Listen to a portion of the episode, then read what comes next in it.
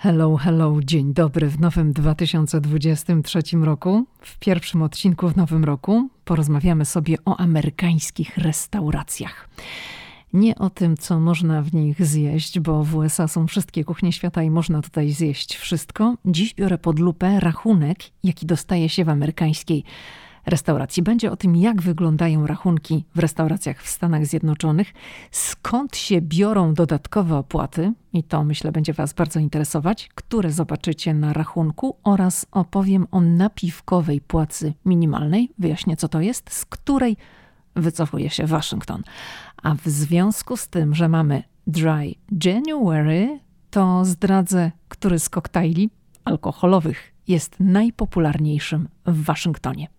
I nie tylko. Zapraszam. Hej, tu Lidia Krawczuk. Los rzucił mnie do Waszyngtonu kilkanaście lat temu i to właśnie tutaj, w stolicy USA, powstaje podcast Ameryka i ja. Tu opowiadam o Ameryce, o życiu w Stanach i podróżowaniu po USA. Ameryka mnie fascynuje. Jeśli Ciebie, tak jak mnie, ciekawią Stany i chcesz wiedzieć o nich więcej, to jesteś we właściwym miejscu.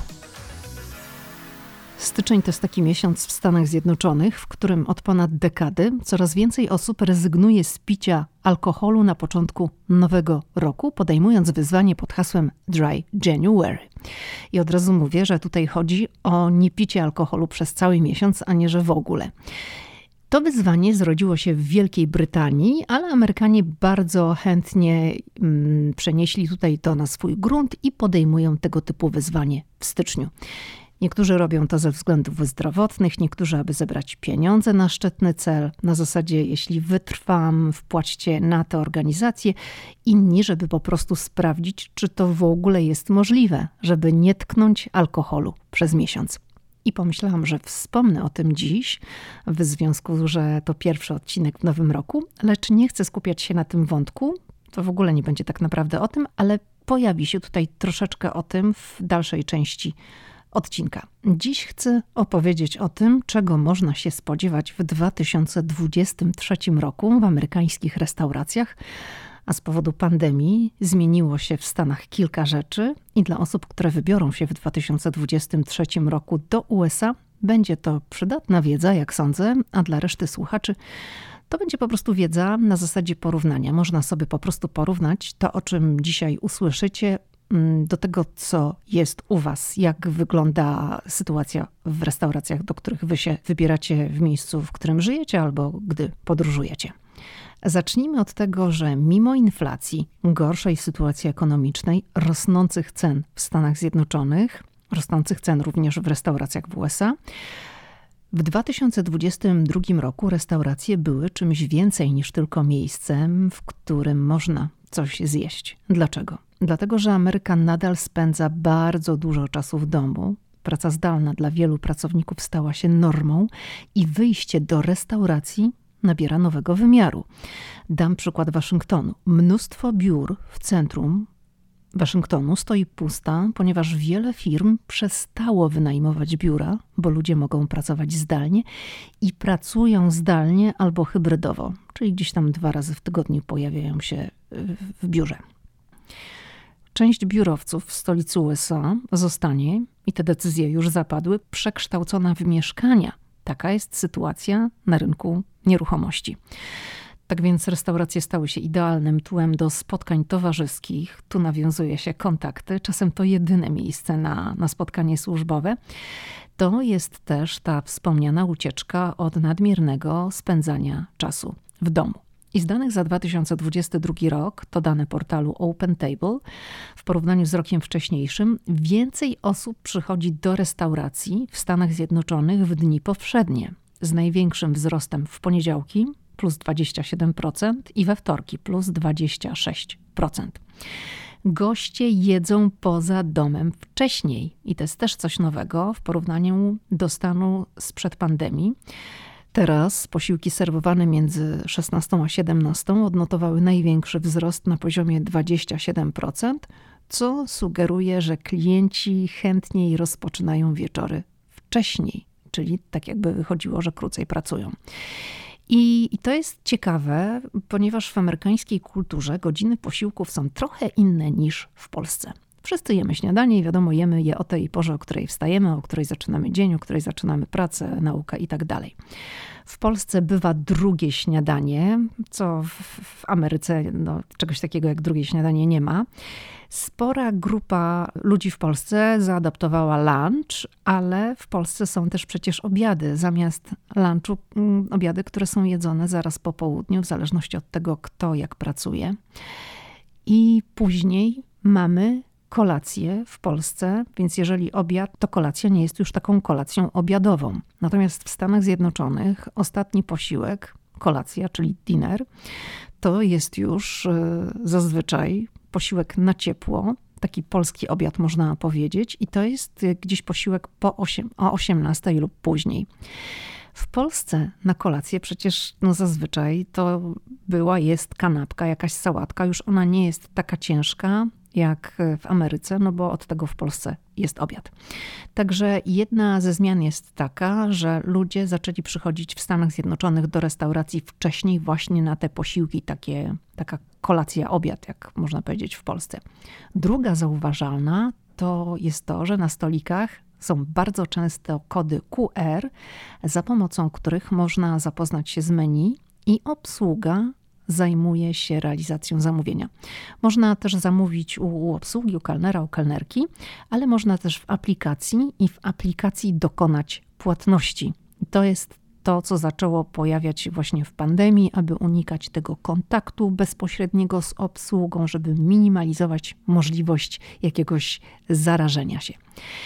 I muszę, muszę Wam powiedzieć, że byliśmy niedawno z Pawłem w restauracji ze znajomymi i tam było takie bardzo fajne rozwiązanie, e, zwłaszcza, że było to spotkanie iluś tam osób. No i przychodzi ten moment, że, że trzeba zapłacić. W USA można oczywiście rachunki rozbijać przy grupach osób, natomiast tutaj to dla nas nowe doświadczenie polegało na tym, to był bar taco i to był bar cashless, czyli bez możliwości zapłacenia gotówką. I, I wszystko odbywało się za pomocą płatności w telefonie. Trzeba było zarejestrować się w systemie za pomocą własnego telefonu i tam zamawiać. A tam zamawiało się sporo, bo to są no przecież małe porcje, co jest tak naprawdę tylko w tego typu miejscach, jakiś taco bar tapas, bo przecież już tutaj mówiłam nieraz, że porcje w USA są gigantyczne. I, I muszę powiedzieć, że jak jestem w Polsce, to mi z kolei w Polsce porcje wydają się bardzo małe. Mogłabym powiedzieć, że nawet one są za małe. Nie wiem, może to już jest kwestia przyzwyczajenia, że w Ameryce mam konkretną wizję, jak wygląda porcja, chociaż zawsze mówię, że te porcje są za wielkie w Stanach Zjednoczonych, natomiast w Polsce one mi się wydają dosyć małe. I no i też od razu tutaj muszę powiedzieć, że w restauracjach w Polsce jest drożej niż w Stanach Zjednoczonych. To znaczy, co mam na myśli? Otóż, jeśli średnia płaca w Polsce, sprawdziłam to w internecie przed nagraniem podcastu, wynosi jakieś 6100 zł brutto, a sałatka w Polsce w restauracji kosztuje 40-50 zł, to w USA jest taniej w porównaniu do, do średnich zarobków. Średnia płaca w Stanach wynosi około 55 tysięcy dolarów rocznie, bo w Stanach podaje się zarobki rocznie, ale jeżeli to podzielimy na 12 miesięcy, to mamy około 4,5 tysiąca dolarów brutto. No to sałatka w Stanach kosztuje tak 15 dolarów, trochę więcej, gdzieś tam do 20. Więc to już od razu widać, jaka to jest różnica. I no pamiętajmy, że mówię o średniej, dlatego że tak jak w Polsce tak i w USA są grupy, które zarabiają o wiele, wiele więcej niż średnia, no i są grupy, które są zdecydowanie poniżej tej średniej. Wracając do płatności i zamawiania za pomocą telefonu. To się bardzo rozwinęło w Stanach Zjednoczonych w pandemii, ale, ale trzeba pamiętać, zwłaszcza, że w takich barach jak tapas czy, czy taco, gdzie próbuje się kilka różnych rzeczy, można się zdziwić na koniec, bo po prostu człowiek jakoś tak e, no, zamawia sobie w aplikacji. To nie jest tak, że aplikacja tam ci od razu już sumuje, żeby widzieć, że już tyle wydałeś, tylko tam wydawaj, wydawaj, na koniec ci powiemy ile. No ale to jest jednak wygodna forma, zwłaszcza przy, przy spotkaniach grupowych, bo każdy w grupie ma swój otwarty rachunek. Także to jest taka pokowidowa pozostałość. Nie dajesz nawet swojej karty kredytowej nikomu do rąk. I też od razu uściślam, że tak nie jest wszędzie, lecz coś takiego może Was zastać, jeżeli będziecie w Stanach. No i e, tutaj właśnie dla osób, które przyjeżdżają z gotówką, bo niektórzy ciągle wożą tylko gotówkę do Stanów, no to w takiej restauracji już nie zjecie posiłku, bo to są restauracje bezgotówkowe. Jak chcesz, to, to zamawiasz w telefonie i, i za chwilę ktoś ci przynosi. Teraz chciałabym zatrzymać się na chwilę przy Waszyngtonie, ponieważ tutaj zaszły bardzo duże zmiany, które trudno zgadywać, jak się przełożą na przyszłość. Dlatego, że niektórzy twierdzą, iż scena kulinarna w DC albo się w jakiś sposób załamie, w co ja nie wierzę, albo będzie miejscem godziwej płacy dla osób zatrudnionych w restauracjach. Zobaczymy. O co chodzi? Otóż wyborcy z DC, przytłaczającą większością głosów, przegłosowali w listopadzie, mówimy tutaj o tym ostatnim listopadzie 2022, inicjatywę 82, Initiative 82. W USA w czasie wyborów do, do kongresu, ale również przy okazji wyborów prezydenckich, a takie właśnie wybory do kongresu odbywały się w listopadzie, głosuje się też w sprawie różnych lokalnych czy stanowych kwestii i w DC poddano pod głosowanie inicjatywę 82. Od razu przypomnę o co chodzi z DC, bo Waszyngton to jest tak naprawdę Washington DC. Pełna nazwa stolicy USA to Washington DC, czyli District of Columbia, Dystrykt Kolumbii. I jeżeli powiesz komuś w USA, że jesteś z Waszyngtonu, no to pomyśli sobie, że ze stanu Waszyngton, czyli tam, gdzie jest Seattle. A jeśli powiesz, że jesteś z DC, to nie ma żadnych wątpliwości, skąd ty jesteś. Także Amerykanie mówią I'm from Washington DC lub from DC. Waszyngton jest miastem jedynym w swoim rodzaju w Stanach Zjednoczonych. Nie znajduje się bowiem na terenie żadnego stanu, lecz w dystrykcie Kolumbii. Co to oznacza? Że w dużej mierze mają tu zastosowanie przepisy federalne, centralne, a nie stanowe. Wprawdzie Waszyngton ma swojego burmistrza, ma swoją Radę Miasta, to jednak kongres może tu zmieniać prawo lokalne. No i jeszcze istnieje coś takiego jak metropolia waszyngtońska. To ja mieszkam w metropolii waszyngtońskiej. Zalicza się do niej część terenów w stanach Virginia i Maryland, które graniczą z Waszyngtonem. I to jest tak, można widzieć z okna Waszyngton, tak jak ja widzę, ale tak naprawdę mieszkać w stanie Virginia i podlegać przepisom obowiązującym w tym stanie.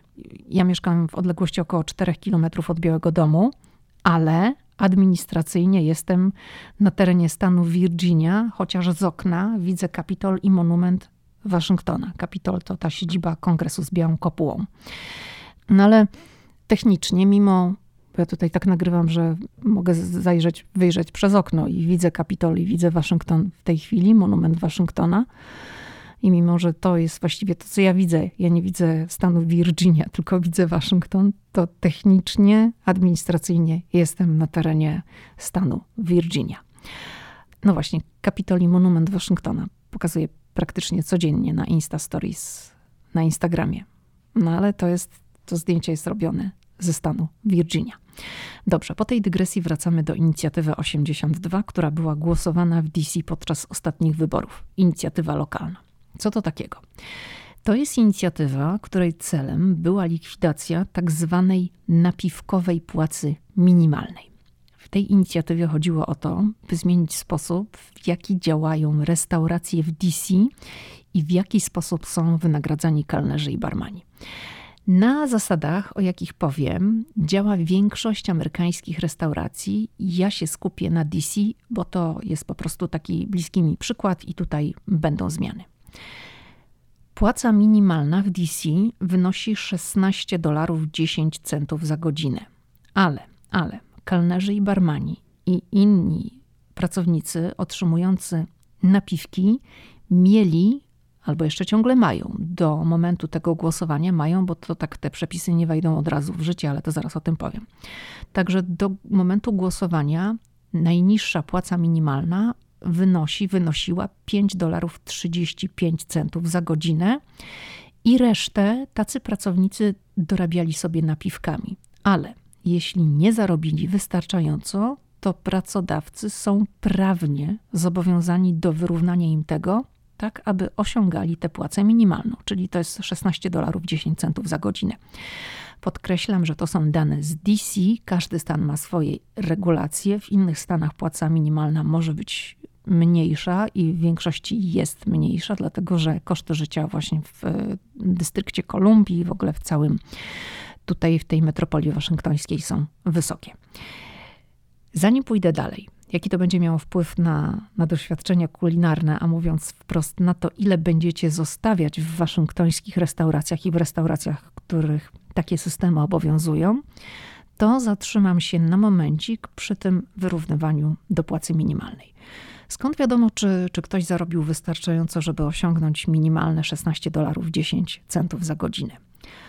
W Stanach Zjednoczonych praktycznie każdy posługuje się kartą kredytową. Niektóre restauracje, no tak jak ta wspomniana, w ogóle nie akceptują gotówki. Napiwek, który się zostawia dla obsługi, jest dopisywany do przyniesionego rachunku, także od razu już tutaj mamy ślad. I w USA nie jest tak jak w Polsce, że przychodzi kelnerka czy kelner z terminalem i przy nas dokonywana jest transakcja płatnicza. W USA dajesz swoją kartę pani czy panu i pan czy pani znika z twoją kartą. I tak wiem, że dla kogoś, kto nigdy nie był w Stanach, to szok, bo przecież w Polsce cały czas się powtarza, że nie spuszczaj karty z oczu. No ale w Stanach to nie ma wyboru. No i kelner ściąga z twojej karty sumę z rachunku. I jeśli dopiszesz napiwek w USA, to obsługa ściągnie tę kwotę razem z dopisanym napiwkiem. Także tutaj od razu jest ślad i podstawa do wyliczenia, czy ktoś z napiwków dorobił do płacy minimalnej, czy nie. Zatrzymajmy się przy gotówce. Niektórzy Amerykanie dokonują płatności kartą, a napiwek wręczają w gotówce. No i ktoś tu zaraz może powiedzieć: No to pracodawca, menadżer nie wie, czy ktoś dostał, więc musi mu wyrównać. I tak i nie. Bo jeśli ty cały czas będziesz mieć napiwki w gotówce, a menadżerowi mówić, że nic nie dostajesz, no to ci podziękuję za pracę, bo to znaczy, że z tobą jest coś nie tak, że nikt ci nie daje napiwków. To znaczy, że bardzo kiepsko dbasz o gości i że ogólnie źle pracujesz, bo napiwki są częścią amerykańskiej kultury.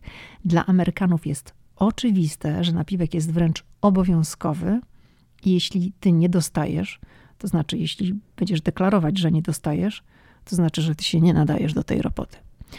Inna sprawa, że możesz dostać 20 dolarów w gotówce, a przyznać, że to było 5 czy 10. Z napiwków zresztą też trzeba się rozliczyć przed urzędem skarbowym, ale to jest też taka deklaracja, no ty deklarujesz ile Nikt nie jest w stanie tego fizycznie podliczyć, ile dostajesz, jeżeli właśnie pracujesz w takiej branży gastronomicznej, czy w jakiejkolwiek innej branży, gdzie wręczane są napiwki, a tutaj mówimy o salonach fryzjerskich, salonach, gdzie dba się o paznokcie, salonach masażu i tego typu usługach, no to nikt nie jest w stanie ci wyliczyć, ile, jeżeli były napiwki w gotówce, ile tych napiwków do ciebie przyszło. Dobrze. Jak e, wspomniałam w DC, przegłosowano, by zlikwidować napiwkową płacę minimalną i żeby także w branży gastronomicznej obowiązywała uniwersalna płaca minimalna. To się nie stanie od razu, jak wspominałam, to się ma dziać stopniowo do 2027 roku. Także no jest jeszcze mm, trochę czasu. Muszę powiedzieć, że, że były przed głosowaniem tej inicjatywy głosy, żeby zostawić tak, jak jest, bo niektórzy zarabiają w tym systemie dużo więcej niż wynosi płaca minimalna, ale większość osób z tej branży nie pracuje w świetnych restauracjach z zamożną klientelą, gdzie można spodziewać się bardzo dobrych napiwków. Większość pracowników otrzymujących napiwki w Waszyngtonie ale też wszędzie tak naprawdę, to ludzie innej rasy niż biali, to są imigranci, którzy w rzeczywistości pracują w bardzo przeciętnych, zwyczajnych restauracjach, a także salonach paznokci, gdzieś tam w myjniach samochodowych, na parkingach, w salonach masażu. A więc są to głównie pracownicy, gdzie płace nie są wysokie. Tak jak wspominałam, inicjatywa 82 została przegłosowana ale Waszyngton nie jest tutaj pionierem, ponieważ są stany, w których napiwkowa płaca minimalna została również wyeliminowana. I to są stany takie jak Alaska, Kalifornia, Minnesota, Montana, Nevada, Oregon i stan Waszyngton. Podejmowano również wysiłki na rzecz stworzenia uniwersalnej płacy minimalnej na szczeblu krajowym. Ta ostatnia ustawa o podwyższeniu płacy z 2021 roku, która była popierana przez prezydenta Joe Bidena, proponowała podniesienie federalnej płacy minimalnej do 15 dolarów za godzinę przy jednoczesnym wyeliminowaniu płacy napiwkowej do 2025 roku, ale jednak ta ustawa nie przeszła w Senacie. Zatem, co się teraz dzieje lub co się wydarzy w Waszyngtonie? Prognozy są skrajne. Jedna strona przewiduje, że zwiększone koszty pracy zmuszą restauratorów do podwyższenia cen, redukcji personelu lub całkowitego zamknięcia, podczas gdy pracownicy otrzymujący napiwki uciekną na przedmieścia, czyli do metropolii waszyngtońskiej, bo, no jak mówiłam, poza DC wszystko jest dalej po staremu. Czyli u mnie na przykład w Arlington w restauracjach te zasady nie obowiązują. Tutaj po prostu jest najniższa stawka, a reszta to są napiwki. I to jest ta jedna strona postrzegania tego e, zagadnienia. Druga strona widzi przyszłość tak, że no, knajpki, restauracje, bary w Waszyngtonie będą się nadal rozwijać, a pracownicy, którzy otrzymują napiwki, no będą mniej zależni od zachcianek i jakichś tam uprzedzeń ludzi, którzy im te napiwki wręczają, po prostu będą mieli pewną stabilność finansową. Ale, i tutaj dochodzimy do tego, co Was może interesować, Was, e, osoby, które wybiorą się do Stanów Zjednoczonych, do Waszyngtonu lub do innych właśnie rejonów Ameryki, w których te zasady obowiązują. Dla gości restauracji pierwszą i najbardziej oczywistą zmianą będą, a raczej już są, bo w Waszyngtonie już to się zaczęło pojawiać, service charges, czyli opłaty za usługi. I taką pozycję zobaczycie na swoim rachunku po zjedzeniu posiłku. Tak jak powiedziałam, te opłaty już zaczęły się pojawiać. W przeciwieństwie do napiwków, i to jest bardzo istotne, te opłaty, czyli service charges, nie są prawnie wymagane, aby trafiały do personelu z obsługi, bo napiwki muszą trafić do obsługi. To nie ma tak, że tam sobie właściciel weźmie, napiwek jest dla obsługi. Natomiast te opłaty, o których mówię, czyli service charges, właściciele mogą wykorzystać w taki sposób, w jaki chcą. Czyli mm, prawdopodobnie, jeżeli muszą zwiększyć tutaj tą płacę minimalną, no to, no to będą właśnie obciążać gości odwiedzających restauracje tymi opłatami. I one zaczęły się pojawiać w amerykańskich restauracjach w pandemii, ale wcale nie, nie znaczy, że tam, gdzie się pojawiły, to one zniknęły. W niektórych, tak jak były, nadal są. W wielu restauracjach w Waszyngtonie już teraz możecie spodziewać się, że na rachunku za posiłek zobaczycie doliczoną service charge, opłatę za obsługę i ona wynosi 18 do 22%. Rachunek w restauracji wygląda tak, że macie tam sumę, no na przykład jest to kolacja czy lunch, załóżmy, że to jest no, 100 dolarów. No 100 dolarów, powiem tak, 100 dolarów w Waszyngtonie za kolację dla dwóch osób to nie jest wcale jakieś tam, że to jest fancy szmency, Bóg wie jaka kolacja. To nie jest nic wielkiego, niestety. Do tego jest podatek, bo podatek jest wyszczególniany osobno w, na rachunku w restauracji w USA. Zresztą, jak kupujecie cokolwiek, to jest doliczany podatek w Stanach. Ceny są zawsze bez podatku. Do tego jest service charge 18-22%, plus jest jeszcze miejsce na napiwek. Także tutaj uczulam, że można się zdziwić, że przeglądając kartę, przeglądając menu, wyda się Wam, że ceny są całkiem korzystne, że jest ok, ale jak na koniec doliczone zostaną dodatkowe pozycje w postaci podatków, w postaci opłaty za obsługę i napiwku, to wyjdzie 30, czasem 40% więcej niż to, co zobaczyliście i sobie tam gdzieś w myślach policzyliście, mm, ile zapłacicie za posiłek. Ok, jeszcze kolejna rzecz. Musicie być przygotowani, i to w całych Stanach, a już zwłaszcza w miejscach popularnych turystycznie, że napiwek w wysokości 18 czy 20% zostanie Wam doliczony automatycznie do rachunku. Czy Wam się to podoba, czy Wam się to nie podoba? Informacje o tym, że napiwek doliczany jest automatycznie, no, znajdziecie najczęściej w menu. Dlaczego tak się dzieje i gdzie? No właśnie w miejscach popularnych turystycznie, w których pojawia się wielu obcokrajowców. W Europie system napiwków nie działa tak jak w USA i Europejczycy nie są tak skorzy do zostawiania napiwków a zwłaszcza w takiej wysokości jak Amerykanie. Jeżeli kiedykolwiek interesowaliście się kwestią napiwków i poczytacie sobie komentarze w USA, cudzoziemców zwłaszcza, no to bardzo im się to nie podoba, ale część Amerykanów również y, bardzo lubi ten system europejski, że nikt nie oczekuje napiwków, a jeżeli ktoś zostawia, to jest jakieś takie wyrównanie do rachunku, a nie procentową należy policzyć, ile sumy z rachunku dodać napiwku. Także mm, w związku z tym, że Europejczycy nie są i cudzoziemcy ogólnie nie są wcale tacy skorzy do zostawiania napiwków, to to się pojawia taki napiwek stały, który jest automatycznie doliczany do rachunku. Właśnie w tych miejscach, które są popularne turystycznie i w których pojawia się dużo cudzoziemców. Na przykład, jeżeli wybierzecie się do Miami i postanowicie zjeść posiłek przy Lincoln Road, to jest taki deptak z dużą ilością restauracji i butików, to tam na pewno wam doliczą ten napiwek od razu automatycznie. W DC są też takie restauracje, które automatycznie doliczają napiwek. W Nowym Jorku też są.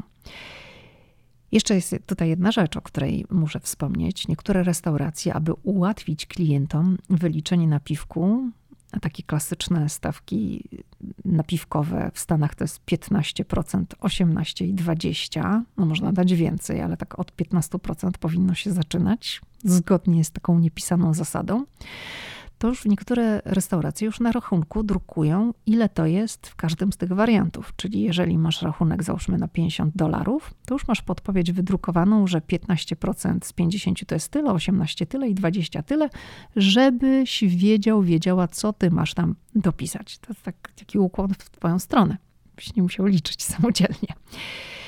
Jeszcze tak przy okazji to Wam powiem o takich dodatkowych opłatach, które zaczęły pojawiać się w pandemii, jak grzyby po deszczu i wyskakiwać jak królik z kapelusza, i to dodatkowe opłaty trzymają się dalej.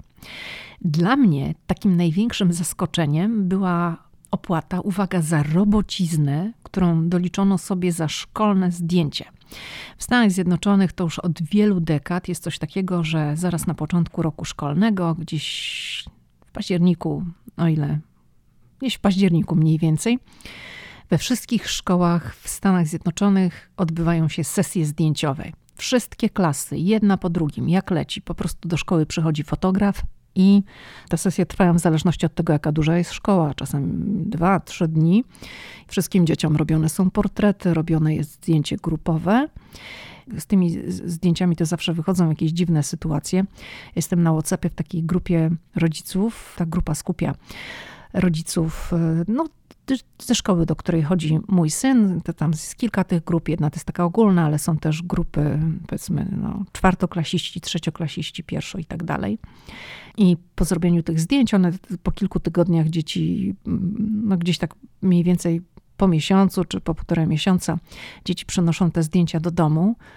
No i czasami po prostu ja nie wiem, jak te zdjęcia są robione, bo rodzice wrzucają zdjęcia dzieci, co dziecko przyniosło do, do domu. I na przykład jest zdjęcie, gdzie dziecko ma jedno zamknięte oko, albo pamiętam, były takie zdjęcia, gdzie fotograf, nie wiem, nie powiedział, że włosy odstają, jakieś takie kukuryku stoi. Albo było takie zdjęcie, że dziecko ściągnęło maseczkę i gdzieś tam na brodzie ta maseczka wisi. Mój syn na przykład przyniósł kiedyś takie zdjęcie, gdzie był w kurtce na zdjęciu. I ja mówię, no dlaczego ty jesteś w kurtce na zdjęciu? Wiecie, no to 7 lat miał chyba, no to może on nie do końca pamięta, bo oczywiście przygotowaliśmy się do tego zdjęcia, ja tam piękną koszulę mu wyprasowałam, żeby super wyglądał. I potem przynosi mi to zdjęcie, on jest w kurce. Mówię, no jak ty jesteś w kurce na tym zdjęciu? A on mówi, no bo my przed tą sesją byliśmy na boisku, mieliśmy przerwę i od razu z boiska nas wzięli na zdjęcia. To to nikt już mu nie powiedział, że on ma ściągnąć kurtkę i tak jak stanął, tak mu zrobili w tej kurtce. Ale no, można to zareklamować i jest jeszcze potem taka dodatkowa sesja dla rodziców, którzy nie są zadowoleni z tych zdjęć. Jak chcesz nowe zdjęcie, to nowe zdjęcie oczywiście już zostanie wykonane za darmo. No ale wiele tych błędów można było wyeliminować na etapie robienia samych zdjęć, no bo w tej chwili, no to nie jest tak, że fotograf robi zdjęcie i nie widzi, co zrobił, tak? Bo od razu na wyświetlaczu czy na ekranie komputera ma zdjęcie, które zrobił. Jeżeli widać, że jest jedno oko zamknięte, no to można powtórzyć zdjęcie. No ale takie sytuacje się zdarzają i te pakiety, one kosztują od kilkunastu do kilkudziesięciu dolarów i nagle tutaj wyskoczyła ta opłata za robociznę, jeszcze jakaś opłata za paliwo. No ja nie rozumiem, co to jest za opłata za robociznę, bo robocizna to jest zrobienie zdjęcia i za to zrobienie zdjęcia to już zapłaciłam te tam 30 dolarów chyba za, za ten pakiet. To jest złoty biznes, dlatego że cykają wszystkim dzieciakom w całych Stanach. Jest taka firma, która nazywa się Live Touch i, i, oni robią te fotki. Mogę powiedzieć, że to jest firma dominująca w Ameryce i to jest takie wielkie przedsięwzięcie.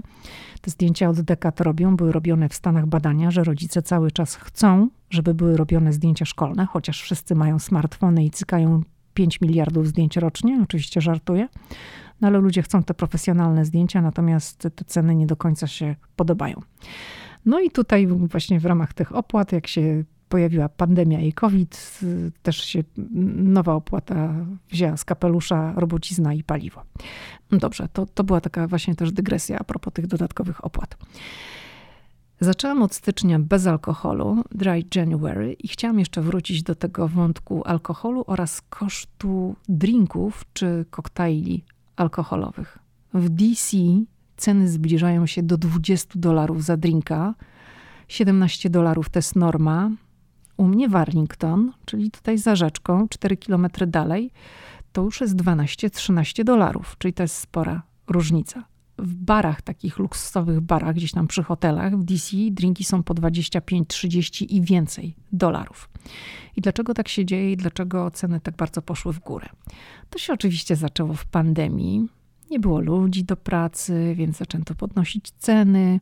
Klienci to zaakceptowali i mamy co mamy, skoro nie ma buntu, skoro ludzie w DC dalej chodzą do barów i płacą takie stawki za drinki, no to bary dlaczego mają, nie wiem, opuszczać ceny? To jeszcze będą je podnosić. To, to jest takie testowanie, ile ludzie są w stanie zapłacić. I tu przy okazji powiem coś jeszcze.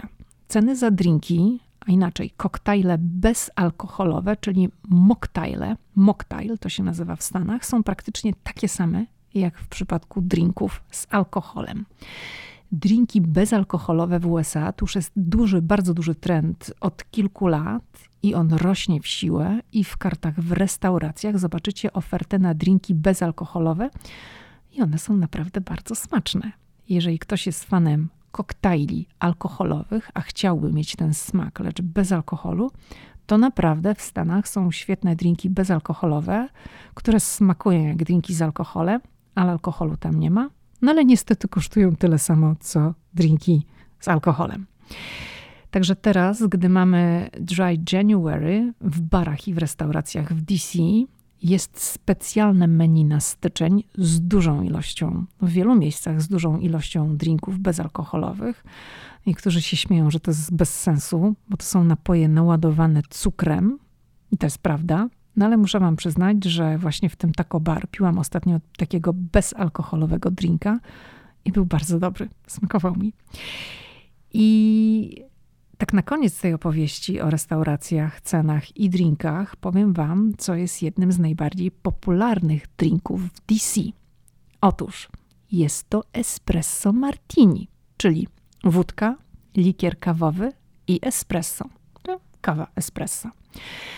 I zresztą to nie jest tylko w DC, bo espresso martini było w dziesiątce najchętniej zamawianych drinków w Stanach Zjednoczonych w 2022 roku. Także w DC tak bardzo dobrze ten drink się sprzedawał w barach, że pod koniec 2022 roku wystartował nawet taki biznes espresso martini w puszce. Także można sobie kupić w Waszyngtonie takiego drinka również w puszce. Oni sprzedają, to się nazywa Blossom. Oni sprzedają to online. W sklepach tego nie widziałam. To jeszcze chyba jest za mały projekt, ale online można zamówić. Nie piłam w puszce, także nie wiem, jak to smakuje, bo znaczy ogólnie piłam espresso martini, ale tego w puszce nie piłam, bo ja nie jestem jakąś wielką fanką tego drinka. Ogólnie to bardzo mało piję alkoholu i, i dla mnie koktajl bezalkoholowy jest również bardzo super, chociaż cena niekoniecznie. No, wydaje mi się, że jednak bezalkoholowy powinien być tańszy niż alkoholowy. Ok, zatem pamiętajcie, jeżeli wybierzecie się w tym roku na wakacje do USA i planujecie wszystko z wyprzedzeniem, również planujecie, jakie restauracje byście chcieli odwiedzić, to sprawdzajcie na stronach internetowych, jakich dodatkowych opłat możecie się spodziewać. To też można przed wejściem sprawdzić. Bardzo często jest wystawione menu. Jeżeli nie przejmujecie się budżetem i finansami, to ok, to po prostu idźcie jak w dym i super miłego pobytu. Natomiast jeżeli planujecie, to byście nie byli zaskoczeni, że rachunek w restauracji może Wam mocno urosnąć po dodaniu ewentualnych dodatkowych opłat. Spotykamy się tutaj, jak zwykle, w kolejny wtorek. Do usłyszenia.